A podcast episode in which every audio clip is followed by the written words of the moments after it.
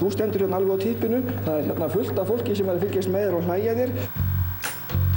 Vest er að við fáum nú ekki sturturnar, þessar góðu sturtur sem við höfum hérna úti. Fyrstu þú ekkit augra kallmennunum vinna með þessu?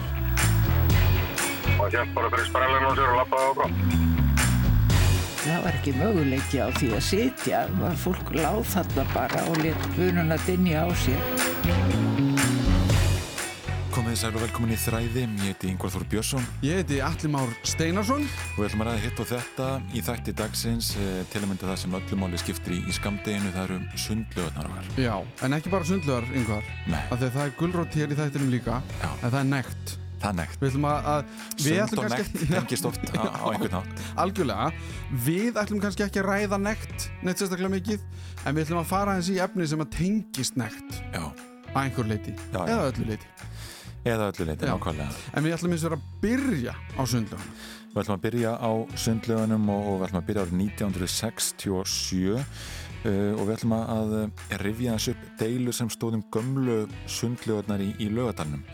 Það sem stóðu handan götuna þessum sundlöginni í lögadalstendur nú voru teknar í nótkun árið 1885 voru fyrst með torfveggjum en frá 1908 með veggjum og hlöðnu grjóti og það er sérst ákveð þarna um 67 að, að rífa þetta. Það er þykja á þessum tíma orðnar eh, svona ríkaðar og, og fúnar einhverju leiti Já, en það varstu eiginlega bara að lýsa náttúruleg þannig nánast, nánast akkurat.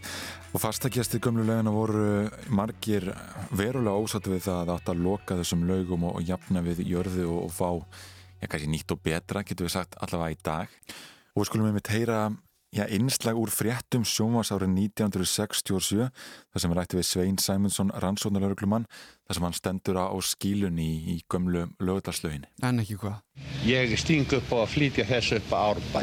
Þessar lögir? Já. Já. Og þar, þar getum við, þar getum við áttan að vísa. Allir það verði ekki erfiður höfuverku fyrir verkfæðingarna? Nei, nei, nei, nei.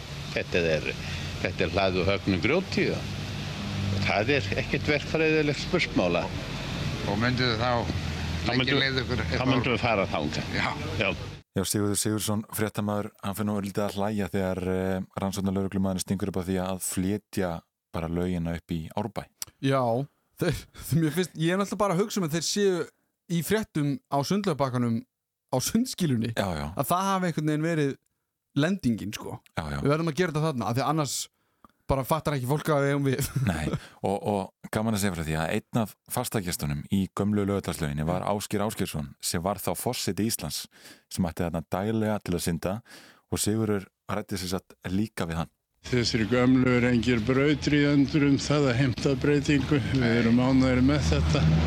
Já, þeir eru komið hérna fyrst, þá voru þetta moldarveggir hérna og við reynsum lögum svona einu sinni í halvu mánuði og náðum venjulega nokkra ála hérna á botninu sem við gáttum selt dansku kaupmannum því að Íslendinga borðuðu ekki svo leiðsmat. Nei. Þeir átt, áttu hvorki humar eða álega neitt og því sem að nú voru mestu salgetið. sko hér er eitt punktur sem er mjög mikilvægt að staldra við Já, af því að eh, ekki að við viljum segja að fyrirhandi fósiti Íslands sé legari en þvert á móti. þvert á móti en hins vegar talar hann um að þeir hafi verið að þrýfa sundlaugin á háls mánuðafresti og veitt þar upp úr sundlauginni Já. ála. Náði ála á botninum sem þeir reyndu síðan að selja dönum. Eh, reyndu ekki, þetta er bara seldu dönum þessa ála. Ef, að þessum, ef hann er að segja bara alveg satt Já, þá er það bara staðarindin já, ég rætti þetta við, sko ég spurt nokkra einstaklega út í þetta. Já, og flest virðast vera á þeirri skoðun að Áll myndi ekki lifa við þessar aðstæður og að Áskir hafi þarna verið að grínast. það er vissulega möguleiki. Já, mér finnst tónnin í honum ekki gefa það til kynna. Tótning gefa það enga veginn til Nei, kynna af því að hann talar um að Íslendingar hafi ekki mikið verið að borða ál eða humar Já, og þess vegna hafi þeir verið að selja þetta. Já, já, og ég mitt reyndi að, að leita í öðrum heimildum eins og við höfum áður þurft að gera þætti þegar einhver segir eitthvað svona. Og fann, Pardon. já, pardon til að mynda. Og fann ekkert um það að, að einhverjir fiskar hefur leynst þarna ofan í þessum heitu laugum Nei, í uh, lögadalunum mér finnst til ótrúlega svo er. Það væri ótrúlega en ég er aðalega bara að hissa því að, því að það kemur í ljós að það eru til álar á Íslandi. Já. þeir eru reyndar að það er bannað að veiða þá núna að því að við erum heldur búin að veiða og mikið af þeim í gegnum tíðina. En síðan er annað reyndar í þessu að sko þegar við hugsum um ál þá kannski erum við að hugsa um ál sem við höfum séð á myndum eða Já. í kvikmyndum eða á einhversum veitingarhúsum einhvers stór út í bæ. Langur og mikill. Já, og stór. Já, já, og það meina ekki út í bæ, út í útlöndum. Já, já, uh, en sko myndina sem ég hef séð þessi, í því sem ég hef verið að lesa að þá líkist þetta nú meira eh, sko einhvers konar blöndu af, af síli og orm. Já. svona glær lítill áll sem ég veit náttúrulega ekki kannski hvað Danir hafa viljað gera við þarna á þessu tíma. nei, nákvæmlega. En sko, hvort sem hann hefur verið að grínast eða ekki Mhm. þá kannski, einmitt, ítir þetta undir það að, að benda á hversu náttúrulega þessi laug var. Já, Eh, og, ég myndi segja að þegar þú byrjar að synda í vatni sem að er bara með lífi í já, að þá ert ekki í sundlög, þú ert bara í einhverjum polli sem hefur skapast þarna. Já, já, einmitt. En Sigurður, hann rætti við, við fjölda annara fastagjasta þarna sem öllum þótti bara reynlega of væntum þessa laug til að vera skipta allavega flestum. Um margra ára skeið hafa fjölmargir góðbólgarar Reykjavíkur haft það fyrir síð að byrja daginn á því að heimsækja gömlu laugarnar og fá sér hressandi bað. Og við höfum hitt nokkra þeirra hér árla morguns. Nú svo er því ekki að leina að þeim sem hafa kynnt til máli þykir nýja lögin nokkuð mikið miður við þarfir íþróttamannina sjálfra, keppnislaug öðru fremur, Já, frekar heldur en... frekar heldur en svona lög fyrir allan almenning til þess að sækja sér heilsubót og útivist. Nei, ég vil ekki skipta þessum lögum hinn, Nei. alls ekki. Lýst ekki Fá, að ný, fá nýtt gólf við þetta og hafa þessar áfram. og þessi hafi verið mjög góð og mjög vinsæl og hafi mjög indælt að vera hér þá er þetta eins og með gömul fött þau eru þetta er alveg útslitið og það er gaman að fá, fá nýtt og fullkomnar Það er ákvæmlega notalegt að sitja hana yfir í litlu lauginni og að flytja yfir úr henni og yfir í, í þessi kér sem þeir ætla manna til þess að hitta upp í nýju lögunum, þannig að líst ekki alveg á það. Ég hef nú ekkert verið spennt við að vera í flýtt þarna hinn meginn. Við erum ánægum með að hafa þetta. eins og ég sjáu þá er nú náttúrulega orðið óskaplega gamaldags hérna en einhvern veginn kann ég best við mig hér. Vest er að við fáum nú ekki sturturnar. Þessar góðu sturtur sem við höfum hérna úti. Já, ég hef heyrst við fengjum þær ekki nýju lögana. það er einmitt það, já. Þessi litlu kér, það er svo lítið varðið í þau. finnst mér. Fólk eru oft rættu breytingar Já, já, vill ekki fara að synda í einhverju keppnislaug bara að fá nýtt gólf Já, gólf laust við ála kannski Nákvæmlega, Já. en Ingi Björg Þorsteinsdóttir þarna sem rættir við eh, úr Hafnarfyrði segir hér í, í skýslu Mhm. sem er þá gerst sér leið í lögadalinn til að fara í, í sund Já. virðist vera. Hún nefnir þarna að þessi vest að fá ekki sturturnar þessar úti sturtur sem voru í gömlu lögadalslauginni og það er kannski að, að lýsa þessum sturtum. Mhm. uh, þetta er sem sagt heitar sturtur sem eru rauninni ofan í heitapottinum, ef heitan pott skildi kalla, þannig að þau sem eru í heitapottinum, þú ert að liggja í þeim potti eða þú ætlar að, að hilja allan líkamann af vatni. Já, já. E, þá varstu raunin að baða þig upp úr því sem e, hafði þegar fallið á þá sem voru í, í sturtu Já, það er kannski fínt að lýsa sér sko ef að fólk ímynda sér að það sé bað heima hjá okkurum og í baðinu er sturta líka og meðan þú ert í baði Já. að þá er einhver í sturtu líka Já, og allt heita vatnið sem þú færið á þig Já. er eitthvað sem hefur farið á, á viðkomandi áður Já. og alveg rétt að mæla með bara mynd sem er hérna sko inn á, á vef ljósmyndarsafs Reykjavíkur það sem Áskir Áskisson er um þetta að stinga sér til sunds Mhm. á meðan e, þrýr menn e, er í sturtunni fjórir sínist mér e, sem liggja í pottinum undir þeim sko og fylgjast með fósitanum Já, þetta er náttúrulega surrealísk mynd af því að aldrei nokkur tíman í dag myndi einhver taka það í mál Nei. að það væri bara einhver náungi að sturta sig og þú ert einhvern veginn bara á milli lappan á já. það er ekki og hún er og þess vegna er hún mjög. saknar þess mjög hún er Já. mjög hræddum að þessar sturtur hverfi Já, já, nákvæmlega. En við þurfum kannski að fara aðeins betur yfir sko, hvernig þetta nákvæmlega leit út og, og ég er sem sagt að rætti við Hólmfríði Pétursdóttur, afi hennar og sem sagt fostuðumæður í gömlu lögðarslöginni. Ég man eftir mér sem, já, tiltölu innan við skólaskildu aldur. Þá var ég bara allan daginn, hjælt til í sundlögunum, nærðist á mjólk með örlittlu kaffi, tvíbögum og vel sætt og eh, ég var held ég svona, já ég veit að ég talaði mikið en mér var sagt að ég mætti ekki tröfla fólk við vinnu og mér var sagt að ég mætti ekki fara hérna að trubla sundlega verðina. Ég ætti ekki að tala við gestina. Ég held að mér hefði nú svona mestuleiti tekist þetta. Ég man samt eftir að hafa spjalla við þessa sundlega verði eitthvað. Ég fyldist með sundkennarunum sem þá voru Ólafur Pálsson og Eiríkur Stefánsson og ég varð synd bara á því að fylgjast með þeim. Eins og ég segi, ég man ekkit eftir því að neitt var að skipta sér af mér eða fylgjast með mér en ég veit núna að auðvitað var það gert. Ég var ekki bara látin afskipta laus en jú, það var bara fylgst með mér.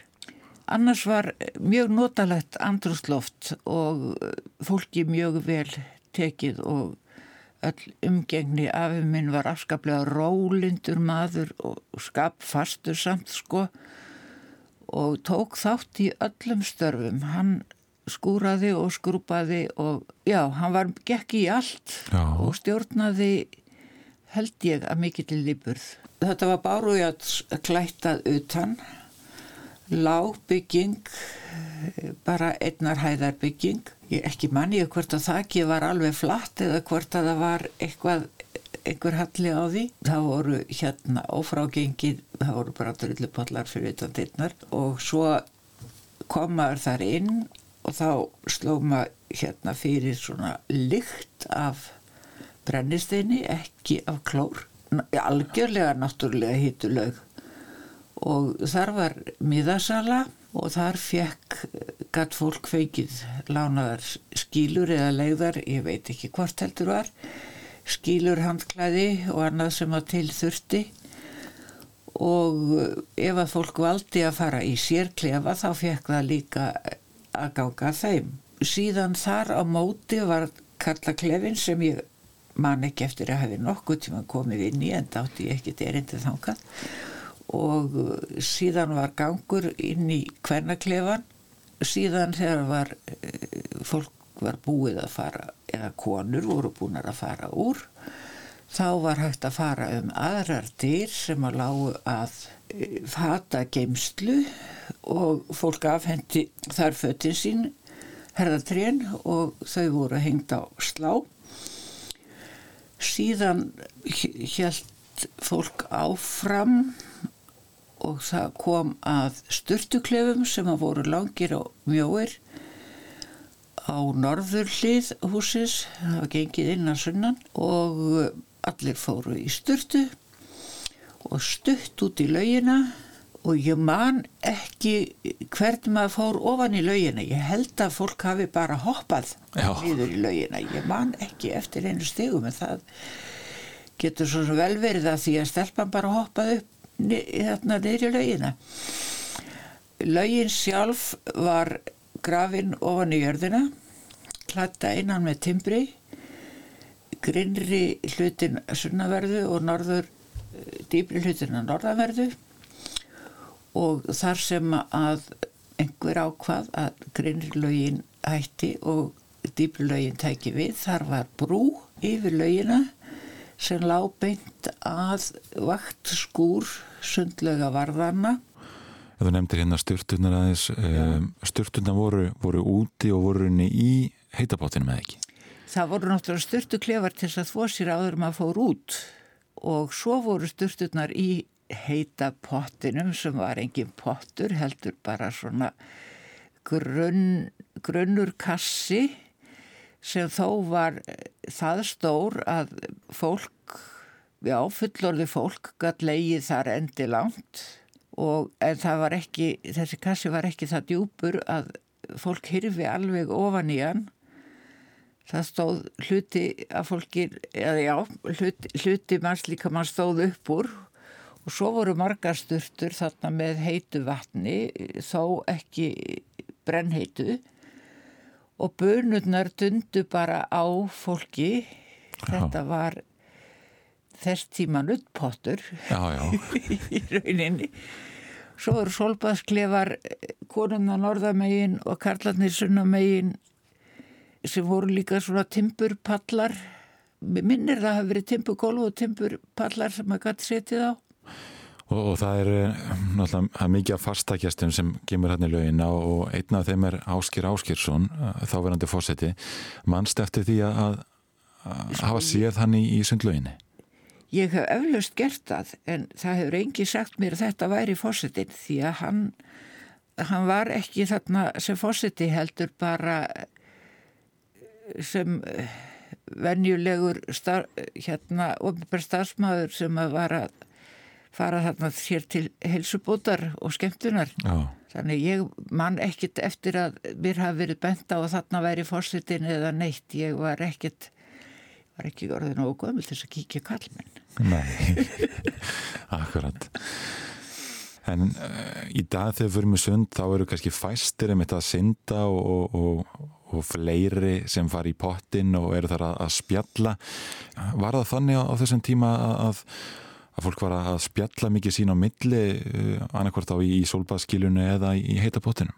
Ekki í þessum heitapotti það var ekki möguleiki á því að sitja. Fólk láð þarna bara og let bununa dinja á sér sko ég held að ég hafi ekki verið nógu gömul til þess að eflaust hefur fólk spjalla saman í já, ég held að verið segja ég muni eða hafi tilfinningu fyrir því að konur hafi gert það í skílinu Akkurat.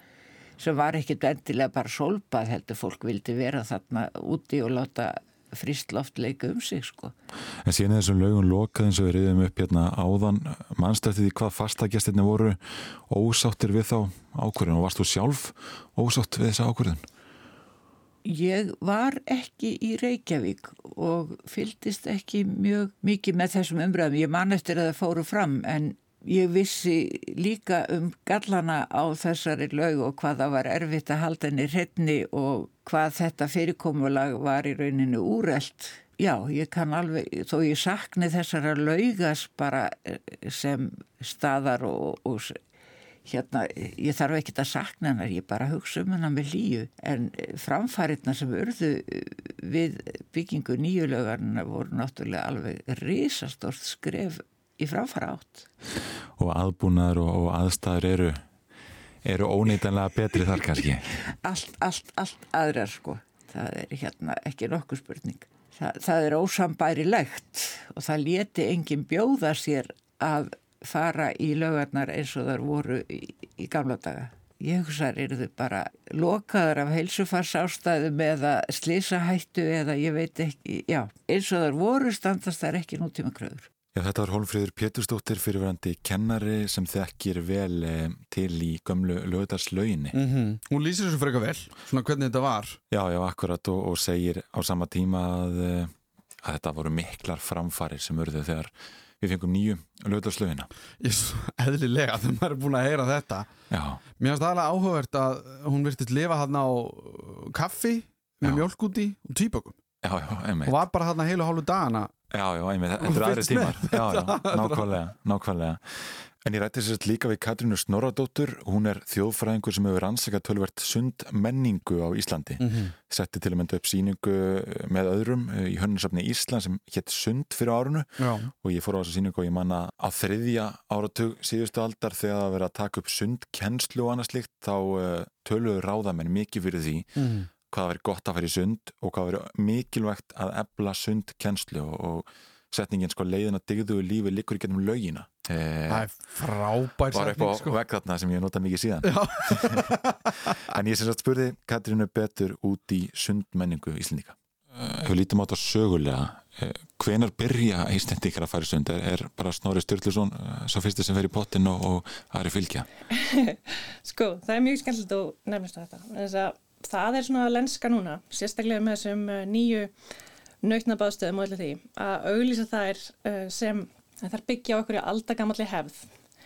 Og að Snorri Sturluson hafi einmitt verið fyrsti pottakallin og Íslandingar séu bara með sundið í DNA-inu en í raun þá voru bara allir á Íslandi meira og minna ósindir fyrir 150 árum.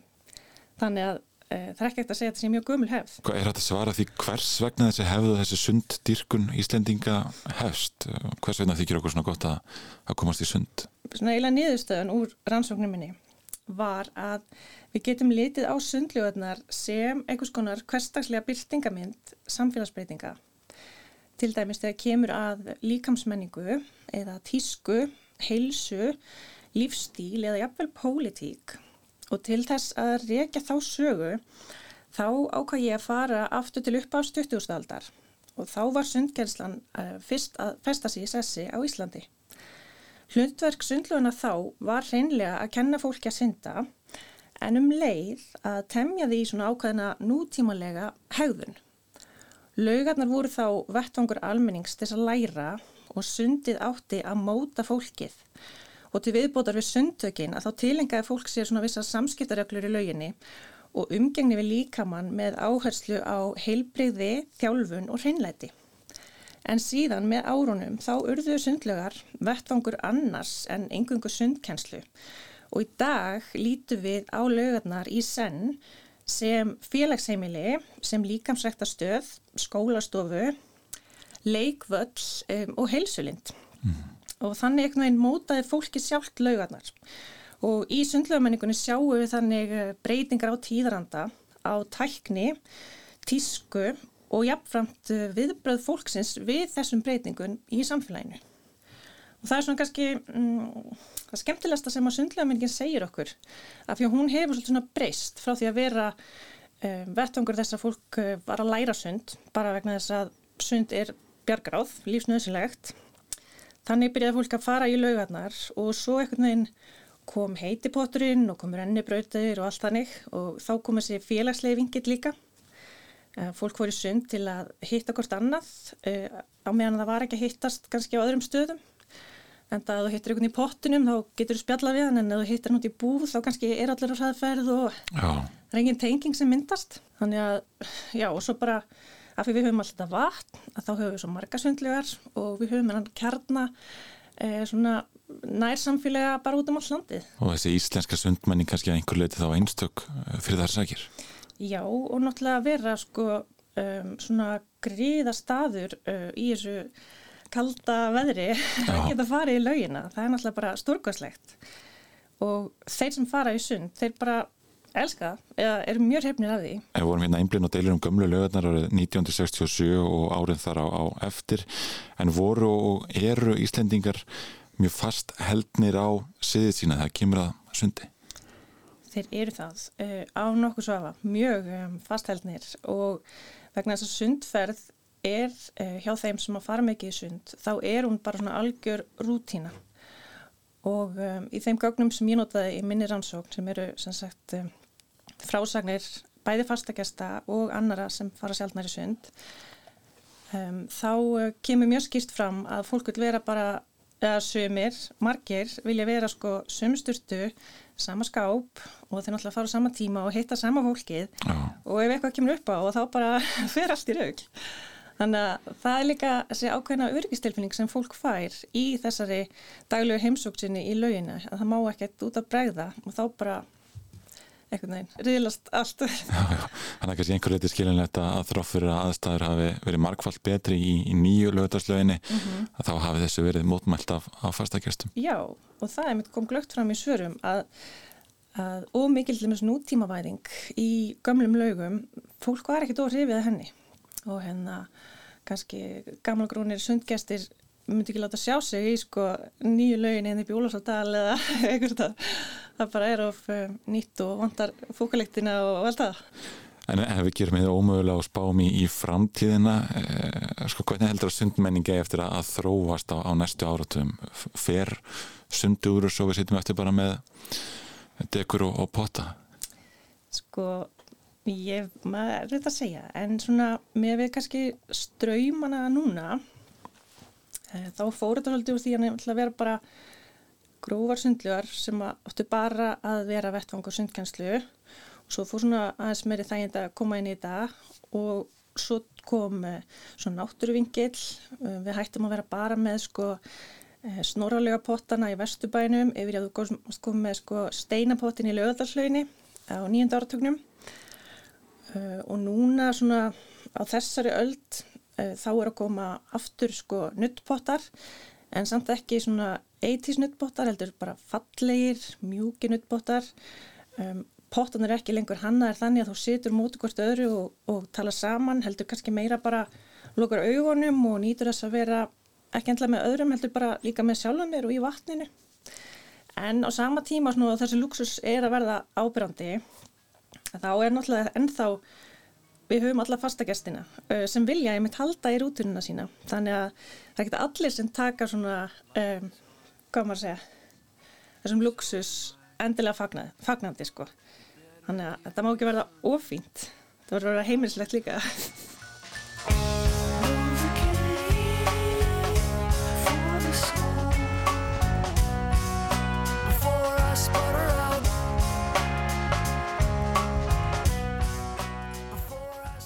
Þetta var Katrín Snorradóttir þjóðfræðingur, hún segir að það sé mikilvægt að hafa þetta heimilislegt líka.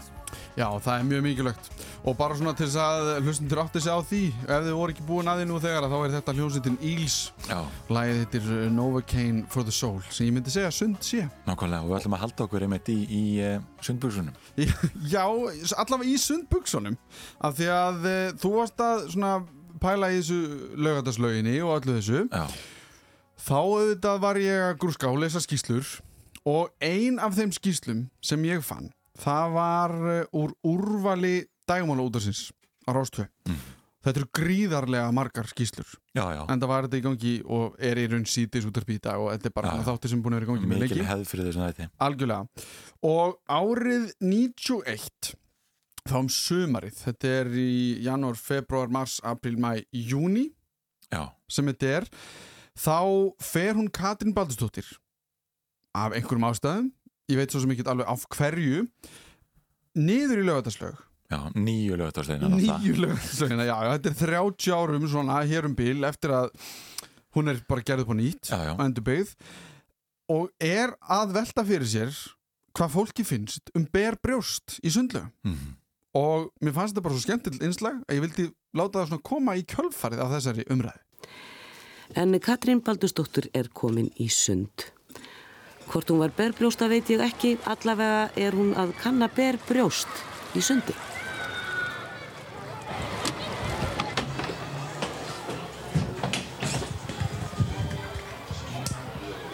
Mér finnst flott að stelpunar skella sér úr á ofan þrátt fyrir að það sé kannski ekki æskilegt að mér finnist það sem sundlögaverði en uh, hins vegar er ágætt ef þær eru bara í toppnum og gefa þá ímyndana aflinu lausan tauminn.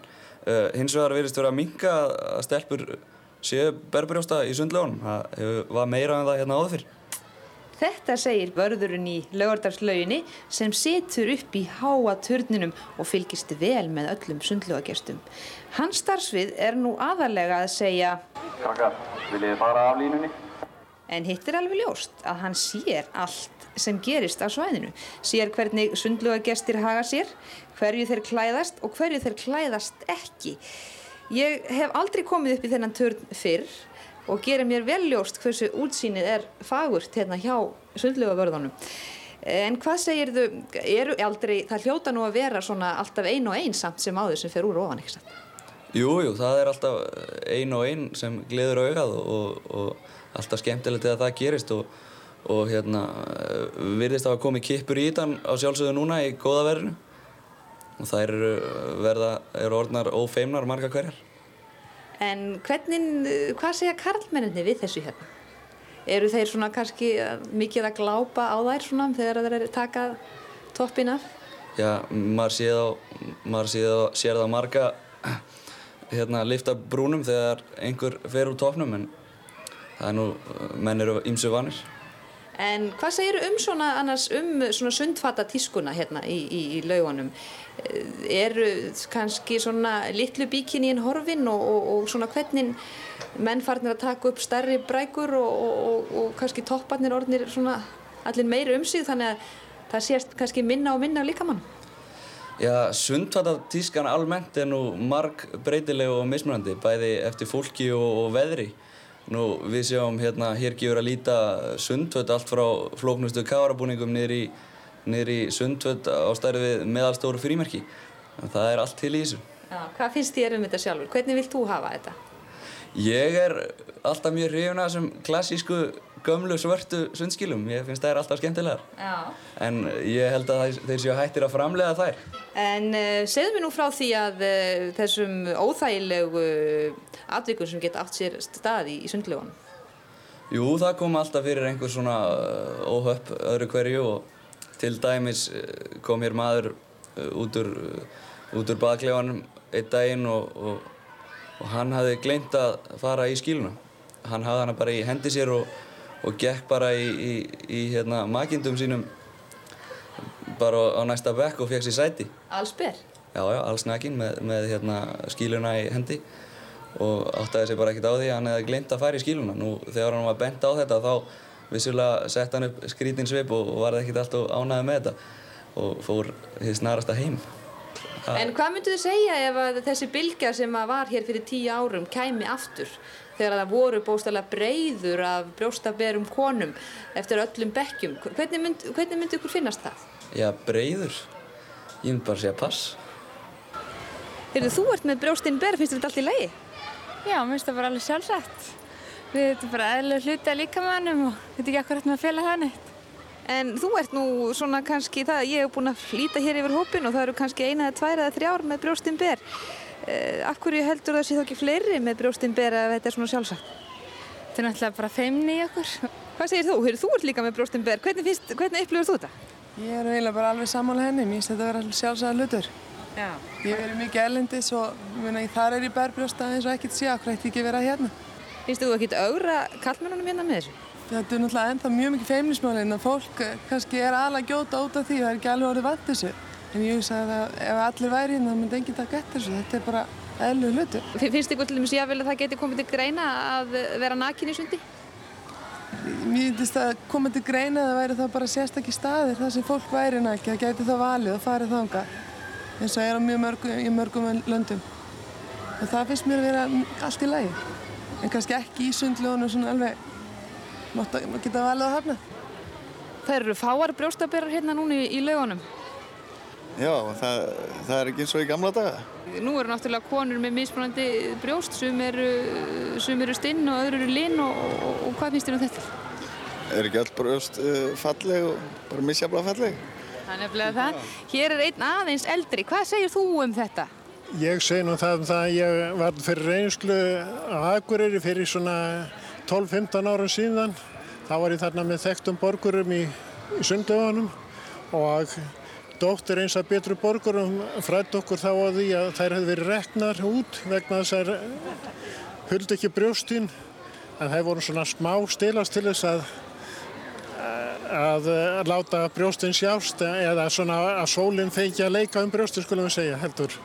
En uh, eldri konu þarna sem ekki voru eins vel vaksnar að þær sá ofsjónum yfir því að ungu stúlkurnar að þær væri að sína hvað þær væri fallegar. Ég spurði stúlkur hér áðan sem voru með brjóstinn og eru með brjóstinn ber hvort þeim finnist kannski ekki alveg eðlilegt að fólk væri bara hennilega nakið í lögun. Hvað finnst þér um það?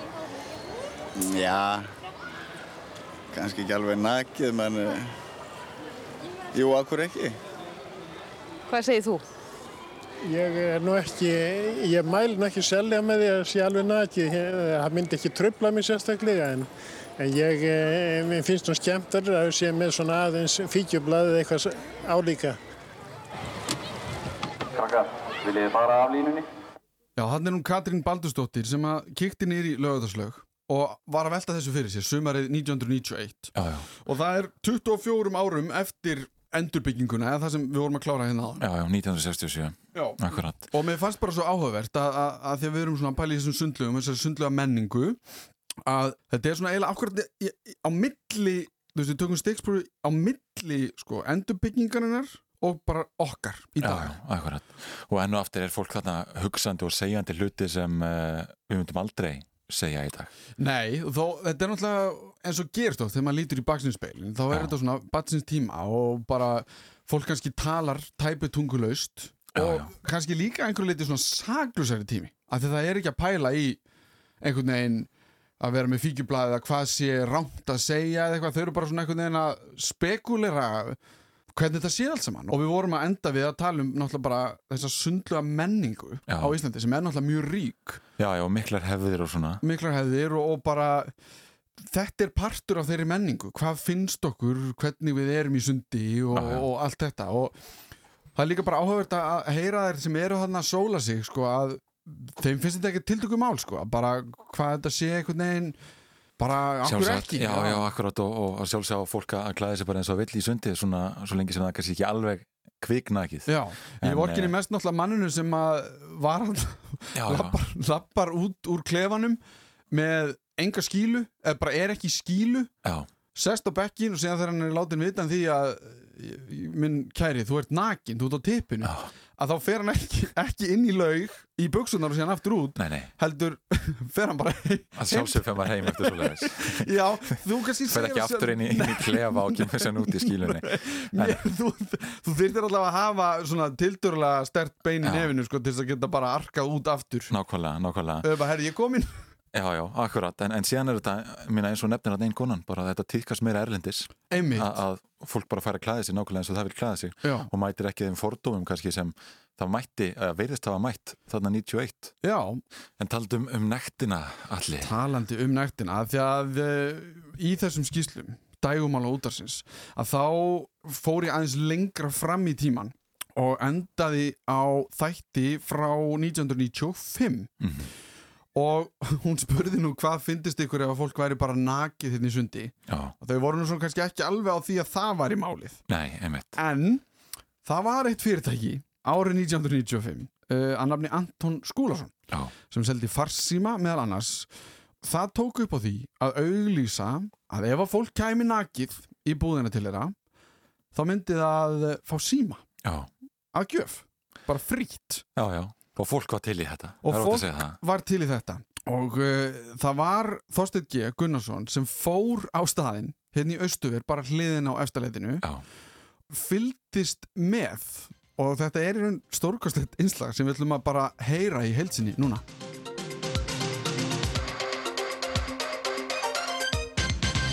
Það myndaðist löng og óvenjuleg byðruð fyrir fram að verslun í Austurveri á mánudaginn. Ástæðan? Jú, það var búið að lofa þeim sem kemur alls naktir GSM síma upp á 23.000 krónur. Þorstedt G. fór á svæðið í fötunum. Já, nafna kenndur þú? Sigfús. Þetta er hann Sigfús og hann er að kaupa sér farsíma. Eh, reyndar er hann held ég ekki að kaupa hann. Sigfús hann fær síman ókipis hérna. Hann fær nókipis, já. Eh, vegna þess að hann er er- þú, þú hún ekki keft svona vörur allsber áður? Nei. Það ég aldrei gert. En, en þetta er auglýsingatrykk hérna í verslun Anton Skúlasonar sem er að, að selja farsímana og þið auglýstuðu allir þeir sem að e, kemur hérna allsberir fengju farsíma. Eh, Við auðvitað þannig að ef þú kemur nakin í dag þá fengir þú gefin síma sem sagt. Og allir þeir sem koma naktir í dag fá þeir gefin síma. Já, það er nú takmark á þessu hvað við getum hérna, verið í mörgum símum en, en hérna, við erum búin að gefa þegar starta símum og við erum að gera það fram. Og það er hérna töluverð löngur röð af misnögtum mönnum en, en e, þú stendur hérna alveg á típinu. Það er hérna fullt af fólki sem er að fylgjast með þér og hlæja þér. Þetta er ekki, e, því að finnst þetta allt í lægi að, fá 23 krónuna fyrir að vera hérna nakin. Já, já, nakin eftir heiminn komin og nakin myndi úr honum fara. En, þannig, að, eh, þannig að ég held að það sé ekkit að skamma sér fyrir nekt sína. En þér finnst ekki, uh, þér finnst alveg að 23 skrona virða að taka þátt í auglýsingatrykkjunu hjá versluninni og, og láta fólki svona pínlítið hí á því hérna fyrir utan gluggan. Nei, nei, ég er ekkert að þess vegna. Ég er, mér bara dætti þetta í hug svona, rétt sér svona. Að fá þér síma. Ég var að velta því fyrir mér, ef að ég myndi nú húra mér úr brókonum, fengi ég þá síma? Já, hún er löng byrjuðið, þú þurftir að fara aftast í hana. En uh, eins og hann sagði kollegiðinn að, að þeir sem koma naktir í dag samkvæmt auglýs- auglýsingunni, þeir fá síma. Já, já, samkvæmt auglýsingunni. En við tiltókum ekki reyndar neitt, neitt magn, þannig að það verður bara komið ljós. Uh, þið tiltókuð ekkert makt, þannig að allir þeir sem að hljóta að koma naktir fá síma. Já, það er ekki víst. Nú, það á að svíkja það sem stendur í auglýsingunni. Nei, nei, nei, nei það verður ekkert svikið, sko. Þið óttist ekkert að fá okkur kæru ef að þið afgriðið ekki alla samkvæmt auglýsingunni? Nei, við gerum það ekki. Nei, heru, við þurfum að fylgjast með hvernig, hvernig, hvernig þetta mál allt saman. Gerið það.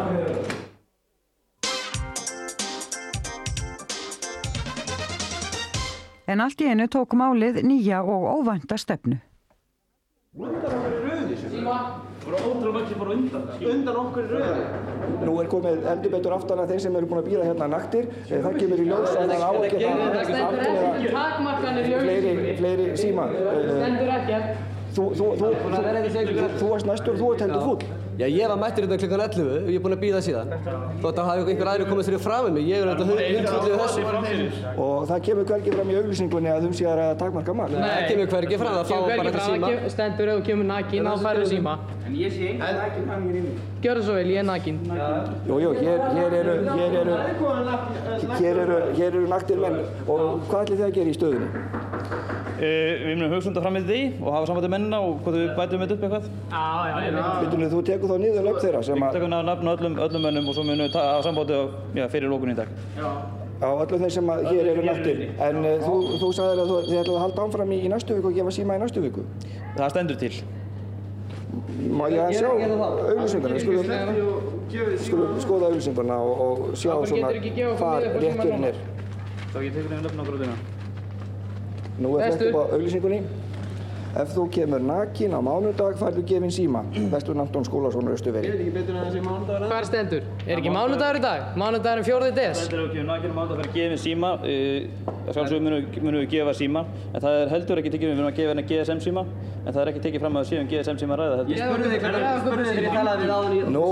við Nú, það- það er farið að snúa Og ég út úr hérna á fyrir, viðskiptavinnunum og sagt Þú sagði mér síma. Að sjálfsögum við munum taka þá sem eru hérna inni og taka henni nöfn á þeim og gefa henni síma. uh, gefa þeim GSM síma. Við munum hafa samband á þessi í dag. Og ætlið að gefa þeim GSM síma eða ætlið að snúa út úr og, og segja að það stendur ekki að um GSM síma sé að ræða þó svo að sé mynd af GSM síma. Við munum gefa henni GSM síma, það er síma sem var með í bóði í dag. Þeir eru þeir með búnir en við munum þó afhenda það innan viku. Uh, síma eins og uh, aðrir beðrir menn fengu. Sambarlega.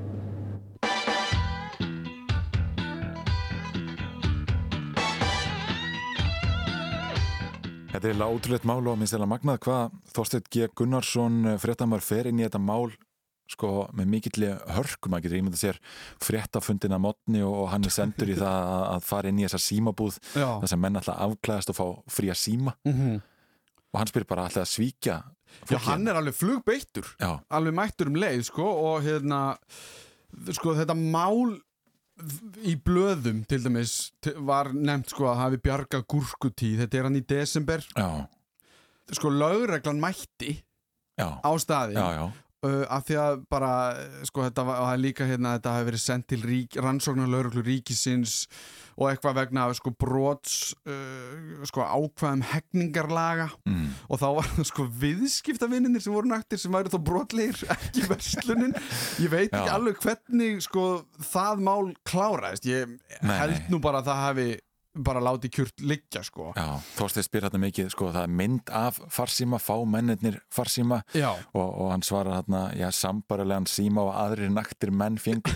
Já, og hérna, það vil svo þannig til að uh, við náðum í einn sem fekk síma, hann var Já. mættur hann fyrir opnun. Eldsnemma og fekk sinn síma, einn af allavega tíu, eitthvað svo leiðis. Já, eitthvað svo leiðis og ég heyrði í honum símleiðis, ekki þó í síman sem hann fekk þannig fyrir. Nei, ólíklega. Ólíklega. Mér langar bara til að byrja því, sko, hvað ertu gamall þannig að 95? Herra, 95, er ég ekki 15 ára heldur? Í nýjönda bekk.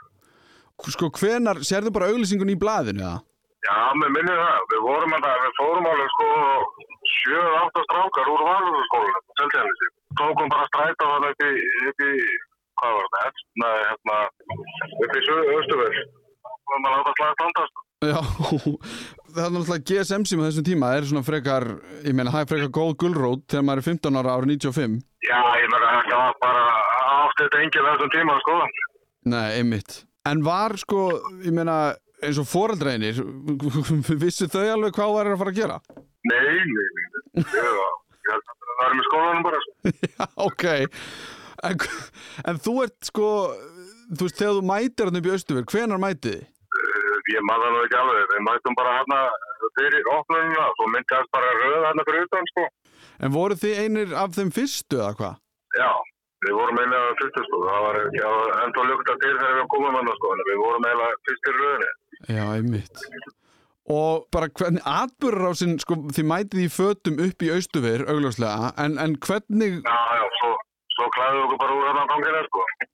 Og fannst ykkur það ekkert skrítið? Var ekkert fólk einhvern veginn að horfa og, og spyrja hvað þið verið í ósköpunum hvað þið verið að gera? Jú, jú, okkur var alveg sama, við vorum að fá frían síma. Já, ég mitt. Þetta var fyrir náttúrulega GSM og fyrir internetu, þannig að þetta var bara að koma einn ein frétt í blæðinu minnum um þetta. Hún poppa svona upp á Facebook á og til. Já, þá, og þá var náttúrulega heldur ekkert fólk að taka eitthvað myndir eða eitthvað. Nei, nákvæmlega. En myndaðist mikið, sko, var mikið af fólki þarna sem var ekki að fá sér síma? Já, já, myndast bara svona smá, svona, já, svona öskraða svona kringum okkur bara. Fólk sem var bara að fylgjast með, sko. Já, en vissu bekkjafélagarnir að þið verða að fara að gera þetta? Uh, já, með minninu og það sagt einhverju frá þau, sko. Já, ég bara fór alltaf inn að pæla hvort að maður hefði ekki eld ykkur þá að, að fylgjast með.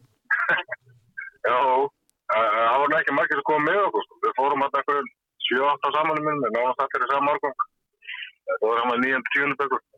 Og svo, svo kveikta maður bara símanum í, í strækáðuleginu heim og ringdi fólk og það var alveg steingátt að maður var með síma. En sko hvernig, sko varst þú eða þið urðuð eitthvað varir við að því að það myndaði smá, hvað ég var að segja, það myndaði smá svona öngþauti að því að það fengi ekkert allir síma sem mættu naktir. Nei, það var einmitt málið. Það er einmitt sko, þess vegna voru þess að hefna að vera með þeim fyrstu. Þeir, þeir áttuðu sér ekkert á því að það væri svona mikið fólki sem myndi grípa þetta sko. Þeir þurftu bara að loka bara eftir, ég man ekki, fyrstu 20 eða eitthvað. Og var sko, fund, voru þið þá bara farnir eða sáuð eitthvað nefnir þegar fólk að að maður heyrið á upptökunni sko þegar hann er hérna niður í Anton skúla svona, fólk er orðið mjög pyrrað sko? Já, ég held að við höfum bara farið ræklega þessu út sko. Já, einmitt. Hvernig sími var þetta? Herðu, uh, Siemens, minnum við að það hafa verið. Svakar hlungur, rosa flottur. Já, en var þá ekkit spurningum, spurningum þegar þið komið heim 15 ára með GSM síma í vasanum? Nei, nei, nei. það var bara, þau sagðum bara satt frá, það var bara leið. Já, er það? Já, já. Ok. Þetta, þetta var ekki svona mikið máli það, gamla það. Nei, einmitt. En hvernig var síðan, þú veist, eftirleikurinn, hvern, hversu lengi endist síminn? Herru, ég er bara hreinlega að manna ekki. Hann endist það alveg ágætlega, sko. Já. Þetta var svona algjöri kuppa, sko, þetta þóldu allt. Þannig að svo skipti maður yfir í Nokia minnum eftir það. Já, einmitt. Það er klassísku. Það er svo klassísku. Mjög gott. Þannig að þú sér ekkert eftir þessu, Jón Már. Þú bara hlærið þessu einu svona ári. Já, já, þetta, þetta, maður hjálp bara fyrir sprælinn á sér og lappaði á fram.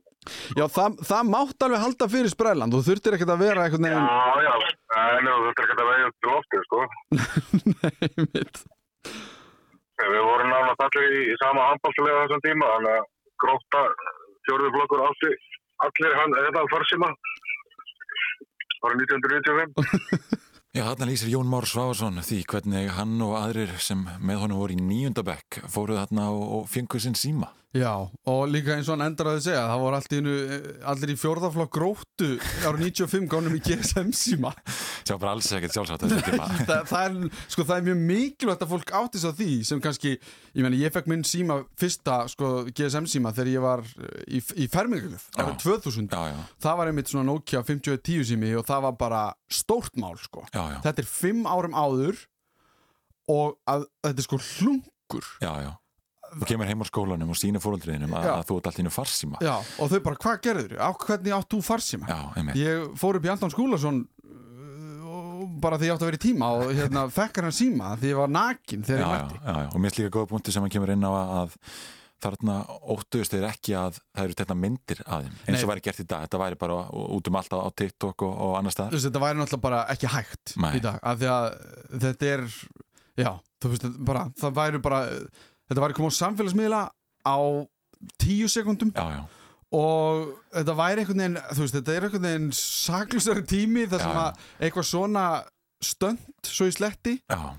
bara gengur upp, það er hægt Já. Fyrir utan eitthvað að lögreglun mætti og voru að spyrja spurningar sko. Já, vestlunar eigandi stendur þarna með tíu nakta menn að Já, spanna sér já. og reyna að útskýra fyrir þeim að þeir fá ekki mögulega síman. Sko miklu fyrir en tíu af því að það er eftir tíu eða, tuttu þá segir hann sko símanir eru búnir þá er sko röð af öðrum líka, gæjum sem eru hann á tippinu já, já. brjálæðir sko. Af því að þeir eru, ég, ég meina skiljanlega þú stendur á tippinu í austuveri býst við að fá síma og, það, og þú bara ert svikin sko. Og þóstinn er að sko þó, þetta hefur verið svo víruð stemning sko það ert með nokkra nakta gæja Já. Vestlunareigandan og síðan þorstinn þannig á milli Já, já. að spyrja bara að þú ætlar að svíkja það. Það er bara þannig sem við ætlum að gera þetta. Það ætlar ekki að standa við gefin lofvörð og síðan kemur lauruglan hann inn og, og sér allt þetta fjasko En síðan er líka kannski rúsinin í pilsuhendunum að því hann segir við sögðum aldrei GSM síma. Já. að mér finnst eiginlega fyndnast ef að þeir sem voru eftir hafi bara fengið ykkur heimilisíma. Eitthvað sem að þú veist, þeim langaði enga veginn í. Nei, eitthvað sem er áttu jafnvel